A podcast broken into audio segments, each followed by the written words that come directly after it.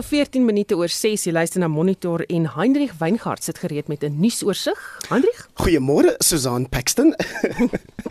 so die Afrikaanse uh, dagblaaie uh, lei vanoggend met dieselfde storie. Dis nou Beeld en die Burger. Die opskrif op Beeld se voorblad verpligte inenting kenners sê en dan die op die Burger se voorblad verpligte inenting dis laaste uitweg en dit is die na aanleiding van uh, professor Salim Abdul Karim die epidemioloog wat gesê het dat hy glo inenting moet verpligtend wees maar dat ons steeds moet ruimte laat vir mense se persoonlike keuses. Nou sê regskenners indien die regering so besluit sal hulle wel wetlik 'n voet hê om op te staan. Op vryweekblad.com skryf uh, Dr Piet Kroukamp, die bekende politieke kommentator, dat uh, regter Zondo nou waarnemende adjunk hoof uh, nee Hy's adjunk hoofregter, maar hy's nou die waarnemende hoofregter. Daar sê. Uh, Raymond Zondo dat hy moenie toelaat dat president Cyril Ramaphosa skotvry afkom van sy aandeel of beweerde aandeel aan uh, staatskaping nie. Ehm um, hy sê die verskyning of die getuienis van die president was waarskynlik die laagtepunt van ons verwagtinge oor die kommissie en dan skryf die sanger Koos Kombuis, hy wil tog so graag weer toe en na die ander feeste want hierdie jaar van stiltes wat ons agter die rug het was vir hom net een te veel hoewel hy verstaan dat dit nodig was. Op Nuus24 se tuisblad word daar berig, jy het nou net verwys na adjunk president David Mabuza, hy het gister aan 'n virtuele sitting van die Nasionale Raad van Provinsies deelgeneem waar hy vrae beantwoord het en een van die antwoorde wat hy gegee het op 'n vraag was dat die onlangse onluste en plundering en moorde moet mense sê in KwaZulu-Natal en Gauteng die het 'n donker merk op Suid-Afrika se demokrasie gelaat. Landbouweekblad uh, se nuutste uitgawe het 'n uh, eh, berigte oor boere, melkbore en verbruikers wat rooi sien oor melk wat van Pole af ingevoer word en dan is daar 'n Vrystater wat spog met 'n reuse mielie oes en ons moet hom dalk probeer opspoor dan ja. ons nuus oorsig vanoggend. En dit was Hendrik wat dit vir ons gedoen het nou. Uh, dis nou so 16 minute oor 6 en ek het gesien die uh, wenkbrau het gelig, hande was dalk bietjie in die lug. Ek gaan nie sê wie dit was nie, maar ons vra vanoggend dit te maak met een van die koppe. Die regering het hierdie week 'n meesterplan onthul wat daarop gemik is om die daggebedryf te kommersialiseer en te industrialiseer. Die waarde van die bedryf word op 28 miljard rand geskat en kan volgens die departement van landbou 25000 werksgeleenthede skep. Dit is egter sodat daar steeds 'n stigma aan die plant kleef hoewel produkte soos CBD olie reeds wyd beskikbaar is. Wat is jou siening hieroor? Gesels bietjie saam vanoggend. Jy kan 'n SMS stuur na 45889 teen R1.50 per SMS. Deel jou mening op ons Facebook bladsy by facebook.com vorentoe skynstreep ZARSG of WhatsApp 'n stemnota na 0765366961. Dis 0765366961. Dan kan jy stem laat hoor oor uh, wat dink jy van CBD olie of dan natuurlik hierdie bedryf hierdie meesterplan of uh, uh, gebruik jy hierdie olie en miskien dalk waarvoor? Ek sien uh, Henry gryp sy skouer vas. Miskien gebruik jy iets vir skou ek spot sommer so 'n bietjie later hoor wat dink jy daaroor Maar nou eers ons uh, hoofstorie vir vanoggend. 'n verras 'n verrassingsdiens is gister in Phoenix in Durban vir die Gautengse staatsamptenaar Babita Diukaran gehou. Sy is vroeër die week by die kompleks in Johannesburg waar sy gewoon het doodgeskiet. Die uitvoerende direkteur van die Katrada Stichting, Nishan Balton, sê sy was regstreeks met hom in verbinding sedert verlede jaar oor korrupsie in die departement. Hy beskryf vletjieblassers soos Diukaran as nasionale skatte en sê baie meer moet gedoen word om hulle te beskerm. We express our condolences to her family. This is somebody who's been a public servant for over 30 years. She would really epitomize the servant part of what being a public servant has been all about. From all that I know, she seems to have been somebody who put the interests of people first, worked really hard to avoid wastage of public money on stuff that was irregular and unlawful, and paid the consequences for it. Not only was she killed, but prior to this, she was suspended. She was moved to junior post. And you get the sense of somebody who stood her ground, knew what was right and wrong. There was no gray area as far as corruption and unethical behavior was concerned. Die spesiale ondersoekeenheid sê Babita Dukaran, wat die hoofdirekteur van finansiële rekeninge was, was 'n getuie in een van die eenheid se ondersoeke na korrupsie in die toekenning van 'n tender vir persoonlike beskermende toerusting. Hoewel die premier van Gauteng, David Makura gesê dat korrupsie wetsgehoorsame Suid-Afrikaners benadeel, is hy skerp veroordeel omdat hy nie voorsien het dat haar lewe in gevaar is nie. This issue has broken the spirit of many upright mm. government officials in the Department of Health who were on the right side of the law all the time, but also in the provincial government. This is the second official who gets shot on uh, circumstances we suspect have to do with those who want to extract, who want to loot. Die nasionale voorsitter en Vryheidsfront Plus lid van die Gautengse wetgewer Dr Anton Alberts het vroeër die week 'n versoek aan Makura gerig om vletjieblassers te beskerm. Hulle dink uit 'n morele verpligting om te sorg dat diegene wat braaf genoeg is om te praat beskerm word. Dit kan hy doen enerzijds deur met die polisiekommissaris in Gauteng te skakel in die verband en te sorg dat daar um, mense is wat hulle bewaak. En anderzijds indien die polisie daai daai vermoë het nie en die polisie het maar beperkte vermoëns en verskeie redes van wanbestuur en dis meer, dan kan die Gauteng premier sekerlik dan 'n privaat sekuriteitsfirma hier om daardie mense te beskerm. Albert sê bygevoeg dat die anti-korrupsieveldtog wat Makura reeds 'n paar jaar gelede uit sy kantoor begin het, duidelik misluk het. Die DA lid en skare minister van gesondheid in die Gauteng wetgewer, Jack Bloem, het die Koran geloof as 'n pligsgetroue staatsamptenaar. Volgens hom is die tipe amptenaar skaars in die Gautengse gesondheidsdepartement en ander staatsdepartemente. Hy sê sy's vermoor omdat sy haar werk gedoen het. Because she wouldn't approve certain payments and she uncovered corruption and they wanted to silence her. It's a very poor uh, sign for our country that a dedicated official uh, is gunned down because she did her work.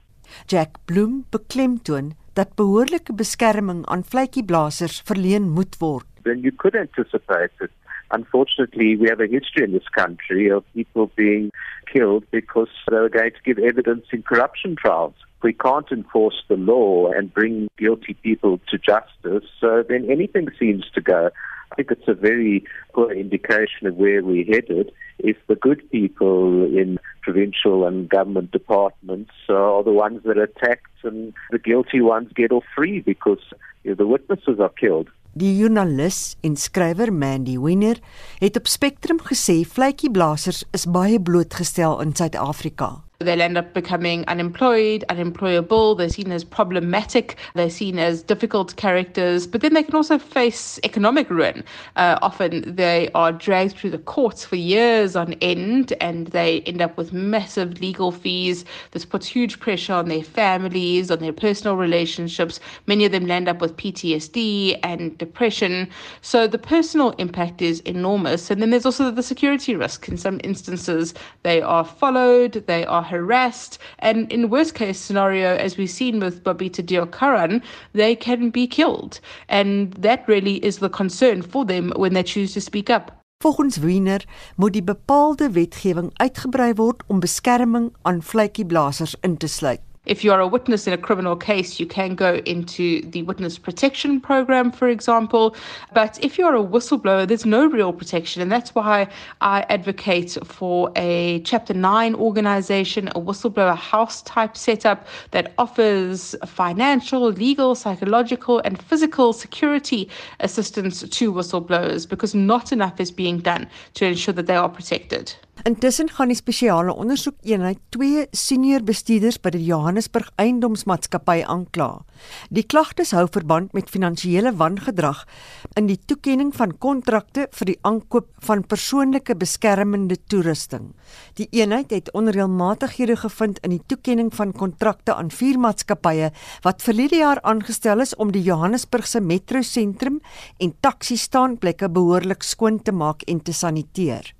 Die kontrakte het die stad van Johannesburg meer as 18 miljoen rand aan vrugtelose en verkwistende uitgawes gekos.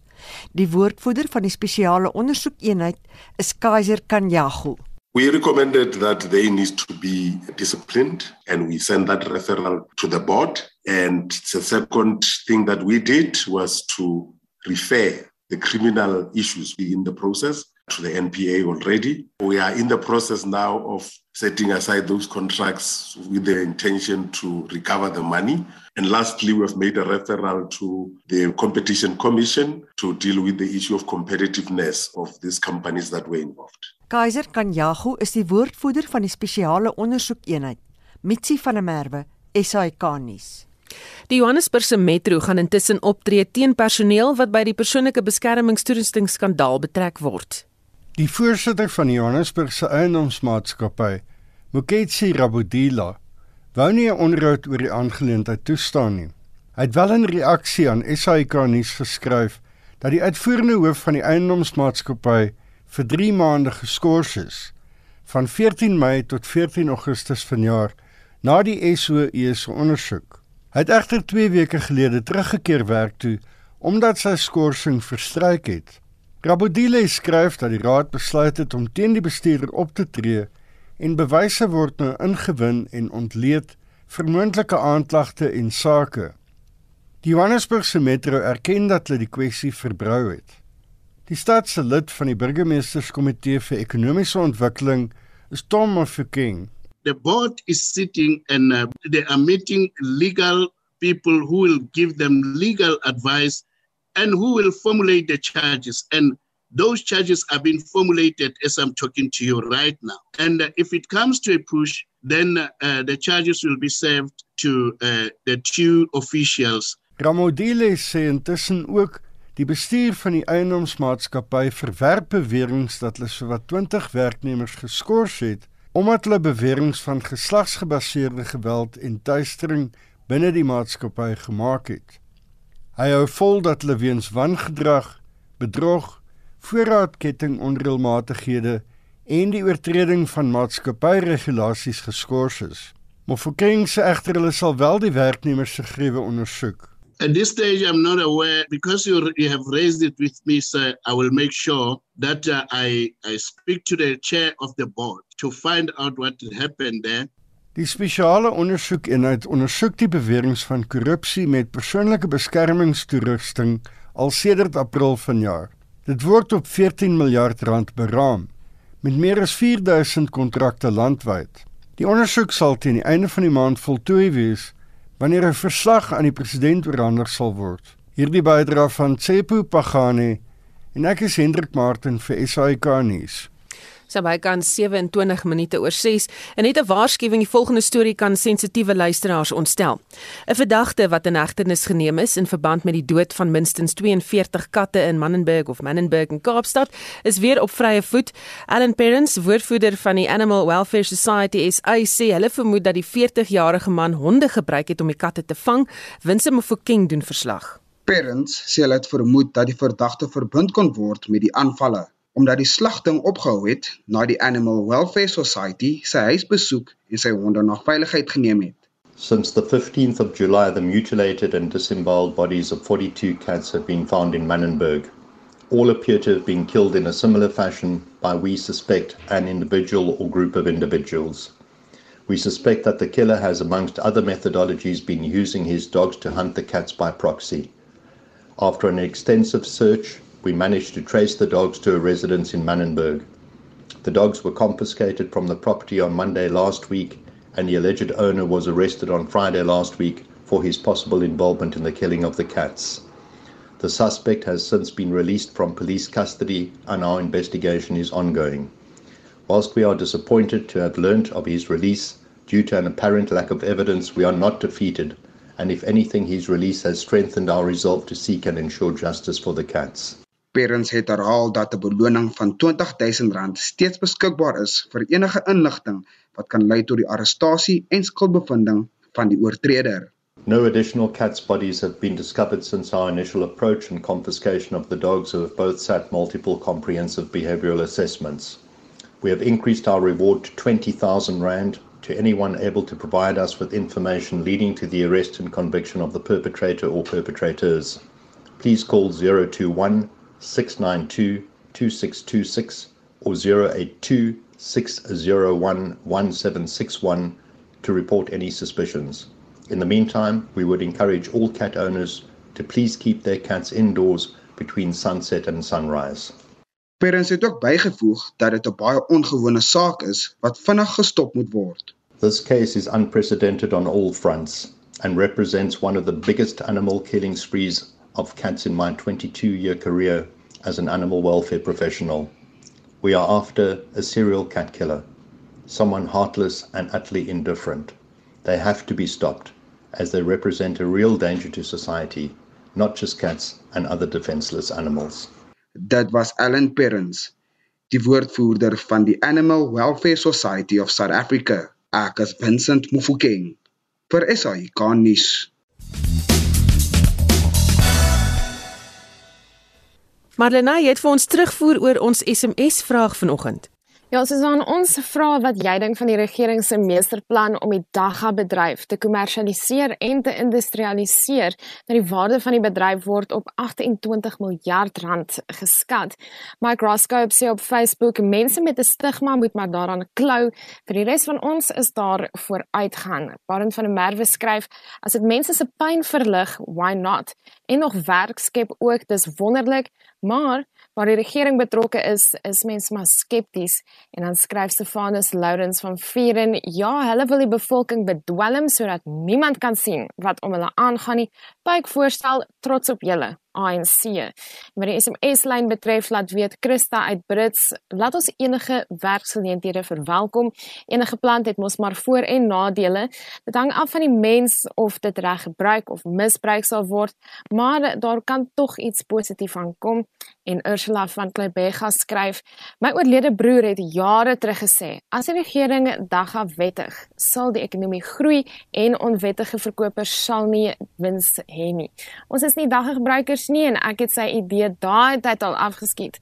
My broer is al in 2002 oorlede, maar vandag lyk dit of sy woorde gaan waar word.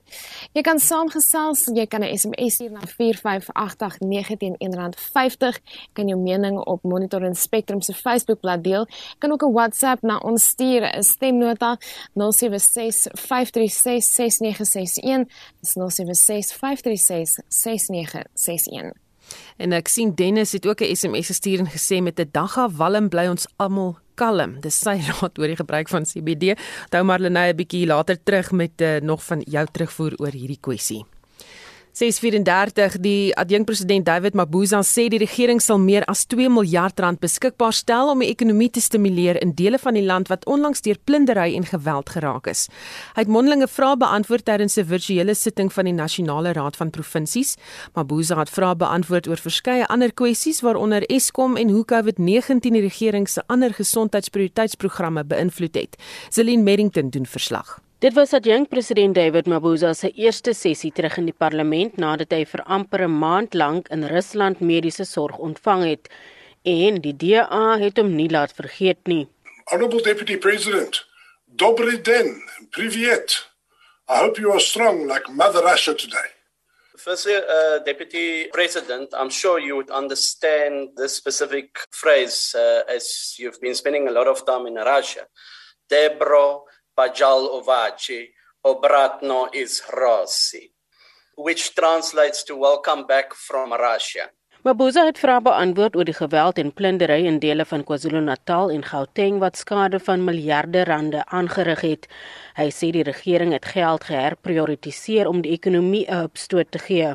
Government has availed 2.3 billion rands to support businesses that were affected by ongoing restrictions as a result of the COVID 19 pandemic and further exacerbated by the looting and destruction of logistical infrastructure during the last month's unrest. This amount is made up of the reprioritization of 700 million by the Department of Trade and Industry and Competition and 300 million by the Department of Small Business and Development. Hy het LPS verseker dat die regering alles sal doen om 'n herhaling te voorkom. But we want to assure our people that uh, government will up its game in trying to protect its citizens and protect businesses and protect life. In future, we are going to stand ready for such occurrences. Mabuza het ook vrae beantwoord oor of die ontploffing by Eskom se Medupi kragstasie deur sabotasie of ander menslike foute veroorsaak is, maar hy sê LPS moet wag vir die uitkoms van die ondersoek. There is no intention of government that is led by President Cyril Ramaphosa to privatize the generation of energy. I don't want to preempt, like I said, the report, whether there's a deliberate effort to undermine all our efforts so that we can finally give up in terms of holding this asset. That I don't know. Mabuza het bygevoeg dat terwyl alle hulpbronne gefokus is op die voorkoming van COVID-19, het die regering ander programme geïmplementeer om te verseker behandeling vir HIV en TB gaan voort. Zelin Merrington, Parlement.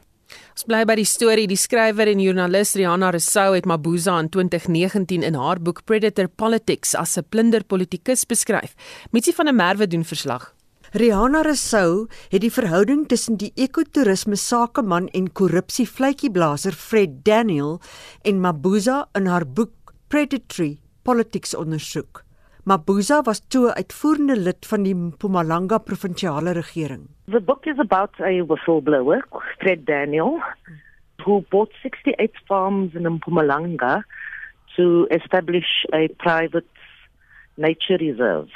And he came into conflict almost immediately with our current deputy president, Didi Mabuza, who had at that stage been the MEC for land and agriculture in Mpumalanga. Resou sê Mabuza het 'n organisasie begin wat nuwe grondeise teen grond in Mpumalanga ingestel het. And it turned out that many of those claims were fraudulent. Fred Daniel blew the whistle on the fraudulent land claims and after that faced 15 years of severe harassment from politicians in Mpumalanga. And he is now bringing a damages claim against these politicians and government officials for 1 billion rand for the harassment that he faced, which so, eventually saw him leave the province because he was in fear of his life. Mabuza is 'n respondent in die saak wat Daniel nou aanhangig gemaak het. The damages case was started being heard last week in the North Gauteng High Court and the deputy president is one of the defendants in the case. Dis juis oor die persoonlike koste wat Daniel moes betaal omdat hy korrupsie beveg het waaroor Resou in haar boek skryf. Huge personal cost. He, his wife and his young child faced several attacks on themselves. Their cars were fiddled with there were threats to burn down the lodge in which they lived in Mpumalanga. He was caught up in a bizarre case which involved somebody who said that she was a niece of the deputy president and she was going to give Fred Daniel information about an attempt to assassinate him, which Fred understood as an attempt to assassinate him, had to go to the court to seek its protection. Resou sê Daniel het selfs 'n saak van tuistering teen Mabuza gemaak. Protection of harassment case against Didi Mabuza as well. Fred has been fighting against the harassment that he has faced as an individual businessman in Mpumalanga for almost 20 years. He's had 15 cases against government officials and politicians in Mpumalanga. He has spent millions of rands of his own money to protect himself, his family, and his business. It's been a great cost, personal and financial. Die koste wat vletjieblassers betaal om korrupsie te beveg is groot. I mean a small thing that one never thinks about when we talk about whistleblowers and I thought about it a lot with the assassination in Johannesburg is the effect on their children. Mm. Fred's child lost 2 years of his schooling because he had to be kept at home and had security guards guarding them. It is terrible the cost to whistleblowers in South Africa. Rihanna Rousseau is 'n joernalis en 'n skrywer van onder meer die boek Predator Politics waarin sy die verhouding tussen die 2LER vir landbou in Mpumalanga, David Mabuza en die vletjieblaser teen korrupsie, Fred Daniel ondersoek. Mitsi van der Merwe, SAK nuus. Die departement van landbou, grondhervorming en landelike ontwikkeling het die week 'n meesterplan onthul wat daarop gemik is om 'n dagbedryf van 'n potensiële 28 miljard rand te bevorder. Volgens die regering se meesterplan kan die bedryf moontlik 25000 werksgeleenthede skep en buitelandse belegging lok. Vincent Mofokeng doen verslag. Die departement van landbou, grondhervorming en landelike ontwikkeling het 'n proses van 2 jaar gelei om 'n nasionale strategie vir die industrialisering en kommersialisering van dagga of cannabis. Die regering het lesse wat geleer is van groot cannabisprodusente waaronder die FSA, Kanada, Mexiko en China as voorbeeld gebruik. Tabo Ramoshala van die direktoraat vir plantproduksie van die departement verduidelik. The rationale for doing this work on the master plan come from these three areas that I've reflected. Firstly, is we would like to diversify the economy uh, and thereby increase economic growth, create jobs, and for poverty alleviation. We want to give the economy a new growth trajectory. That is what we wanted to do. Die departement beoog om in vier belangrike bedrywe in te sluit. Ramashala sê veral in die mediese bedryf sal dagga 'n groot rol speel. Die meesterplan beoog om die produkte ook in groot volumes uit te voer. Namely medicine, where industrial food and recreational. In terms of medicine, we're looking mostly at these two compounds, the CBD and the THC, which are said to be having properties that can heal a number of diseases like chronic pain, asthma, glaucoma, cancer, and others. And then there's also work that has been done through our colleagues at the Department of Science and Innovation to look at whether cannabis can heal the diseases that are created as a result of COVID-19 virus. And there's some interesting results that are coming through. And then the second area is industrial. Here you mostly use hemp. And then these we use almost all parts of the plants, stalks, the seeds, and the leaves. Whereas with medicine, it's mostly the the leaves, the flowers, and the flowers. And then in, in terms of industrial, the products that can be produced ranges from textiles, building material, cosmetics, etc. And then the next area is the food one. This is the fastest and largest growing sector that uh, other countries indicated to say, if you can get this one right, then that will boost your economy because food is consumed on a daily basis by almost everybody. Daar is ook verskeie waardeketings wat vir die produksie van hennep ontsluit sal word. And this value chain has four main areas. Phase 1 is production inputs, phase 2 is primary production, phase 3 is manufacturing product development, phase 4 is market. And then in terms of what is there in, in this value chain, there in the production inputs phase, There are opportunities for breeding companies. There are opportunities for seed companies, opportunities for nurseries, opportunities for chemical companies. And then in terms of primary production, there are opportunities for small growers, commercial growers, and contractors. And for manufacturing, there are, cosmet- I mean, there are opportunities in terms of cosmetics and body care, food and animal feeds, nutraceuticals, beverages, the textiles, building material, paper, and the industrial products. And in terms of the markets, there are opportunities in both the local and export market. In other words, when we were asked where are the investment opportunities, this is what we were pointing out to say. These are the things that can be invested in. Ramashala het wetgewende beperkings en die bedreiging van oorname of oorheersing deur goed gefinansierde ondernemings en apteekgroepe geïdentifiseer as die belangrikste uitdagings vir die bedryf. And then the master plan make provision for oversight committees to guide the implementation and monitoring. Uh, the topmost structure is the Executive Oversight Committee, which will be responsible for high level leadership and coordination for the master plan implementation to ensure shared ownership and accountability, and as well as uh, commitments from various social partners. Tabo Ramashala van die Departement van Landbou, Grondhervorming en Landelike Ontwikkeling.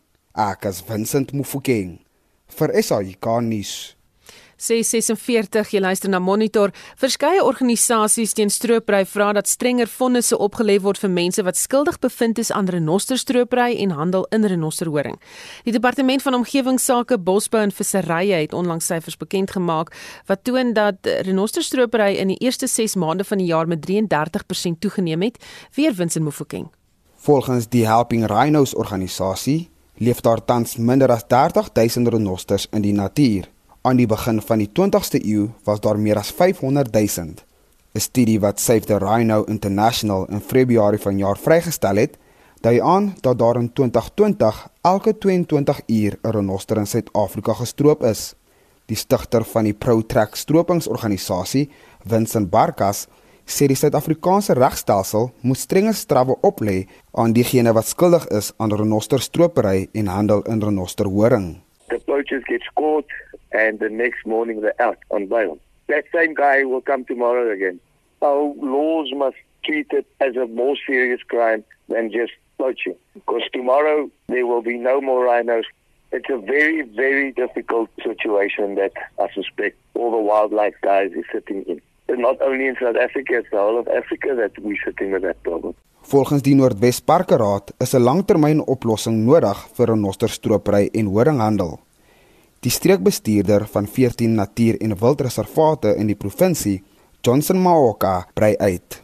The solution would be to discourage the consumer market of the product, which is the rhino horn, and to refrain using these people who are using the rhino horn for traditional medicinal use. But it is very unlikely since it has been tradition practiced for over 6,000 years, particularly in Asia. Alternatively, persuade the consumer countries to breed and sustainably harvest the product rather than brutally killing the source, which is the rhino, for a single use.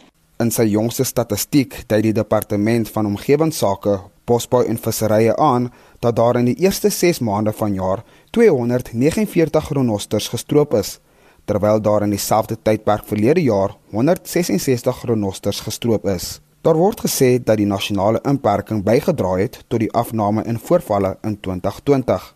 Maar toe hierdie beperking verslap is, het die getalle weer toegeneem. Die departementele woordvoerder, Albi Modise, sê die regstelsel werk hard daaraan om renosterstropery te bekamp.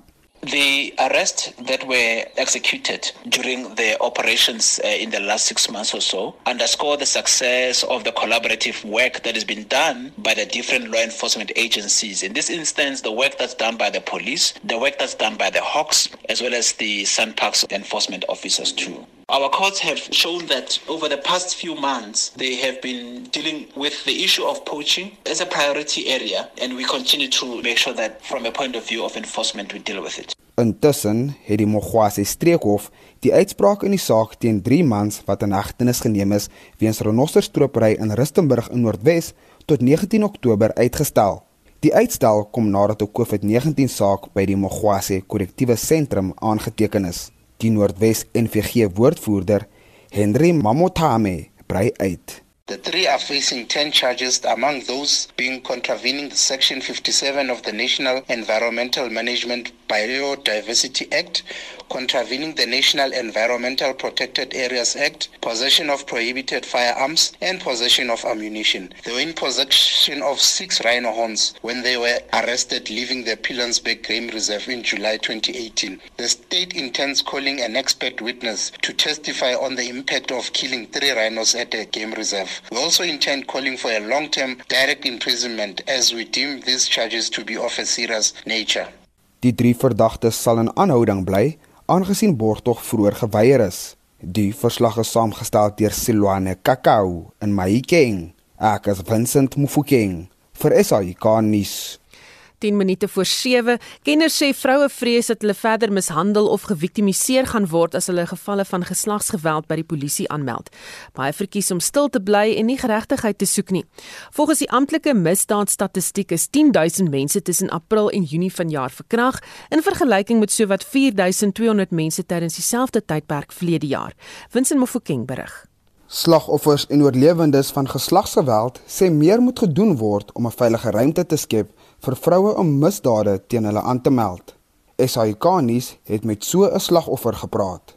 Firstly, it was hard for me to leave the relationship because The first person I thought about was my child, who was now going to be subjected to just one parent. So I realized that if I stay in this relationship, I'm going to end up being a statistic or end up being dead. Haar identiteit is aan SAIK nuus bekend, maar sal nie in hierdie verslag bekend gemaak word nie. Sy sê 'n vroue polisiebeampte het die spot met haar gedryf en sy het maar geloop sonder om 'n saak aanhangig te maak. I asked for a female cop because I was bleeding and I was in so much pain. And the first thing that came to her or out of her mouth was, Why was I going through my man's phone? And I deserve what I got, which was the beatings. Hearing such just hurt me, one. Two, I wasn't expecting it from another female to say that to me.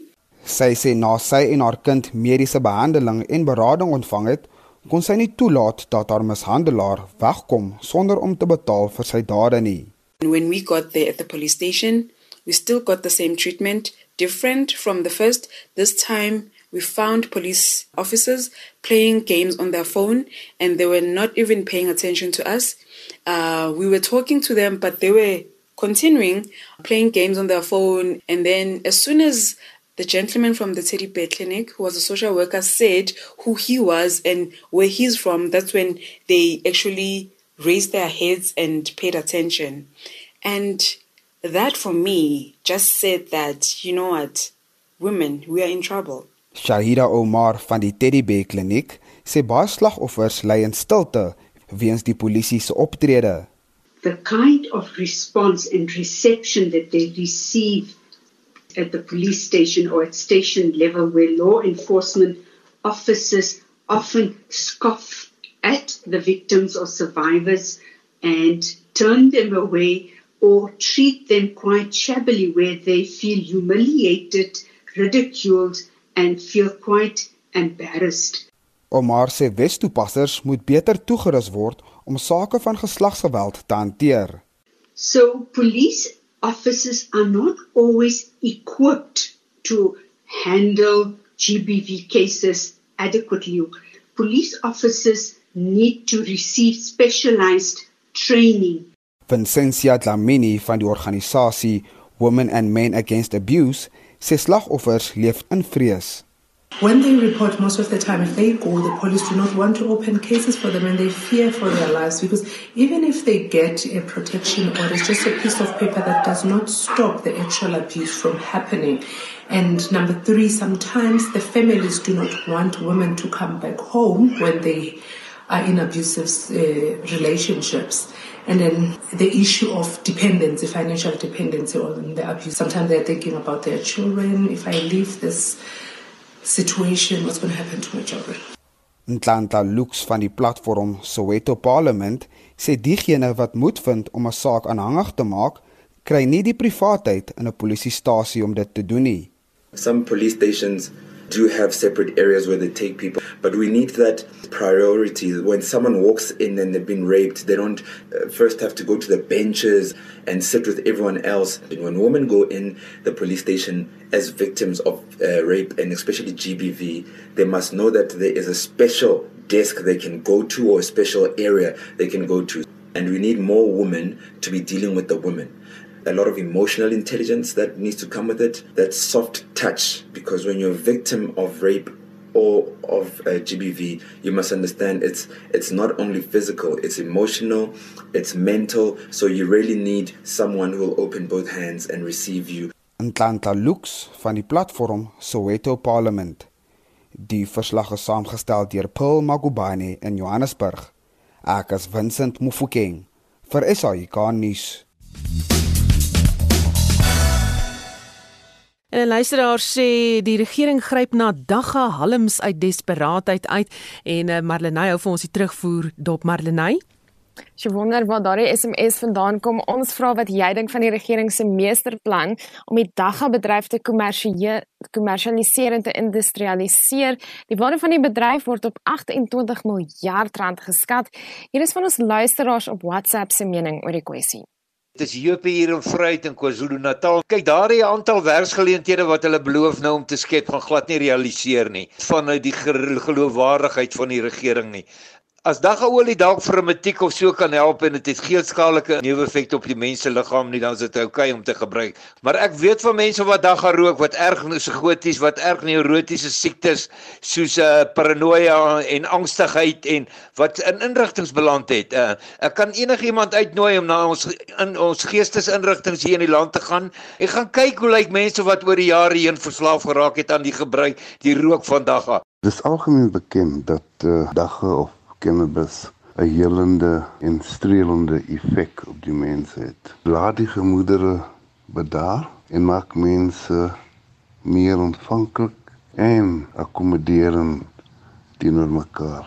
Voeg daarbey die geweldige ekonomiese voordeel, dan is dit iets wat ons gister al moes implementeer het. Willemie van Pretoria. Ek was ook vroeër grootgemaak met die idee dat daar 'n dwelm is en so sleg en so baie is vir almal. Maar nadat ek in 2008 gediagnoseer is met pankreaskanker en ek die dag al olie begin gebruik het, het my siening heeltemal verander en ek is vandag 'n groot ondersteuner en 'n groot voorstander vir die gebruik van dagga wat 'n natuurlike middel is en nie 'n geskaapte dwelm is soos wat hulle in laboratoriums kweek nie. Op die SMS lyn skryf Claude, die daggameesterplan kan werk, maar as die regering betrokke is, dan is dit maar net nog 'n meesterplan vir korrupsie. Ook op die SMS lyne is daar mense wat die produk vir mediese doeleindes gebruik, soos die luisteraar wat skryf: "Ek gebruik daggaolie vir my oë, het glaukoma." So, laat weet ons as jy die middel vir medisinale doeleindes gebruik. Ek dink daar is baie mense um, wat dit doen. Nog iemand anders laat weet egter op die SMS lyn soos ons vroeër gesê het, die regering gryp na dagga halms uit desperaatheid. Laat weet ons wat jy dink, jy kan 'n SMS stuur na 45889, dit gaan jou R1.50 kos. Jy kan jou mening op Monitor en Spectrum se Facebookblad deel of 'n WhatsApp stemnota stuur na 076 536 6961. En dis Marlenae met daardie uh, terugvoer. Onthou net weer daai WhatsApp of stemnota wat jy kan stuur na 0765366961 laat hoor van jou oor ons gesprek vanoggend en dit gaan oor die regering se meesterplan oor die daggabedryf. So dis 0765366961 vir daardie stemnota en dit is nou 7:00 en tyd vir die nuus.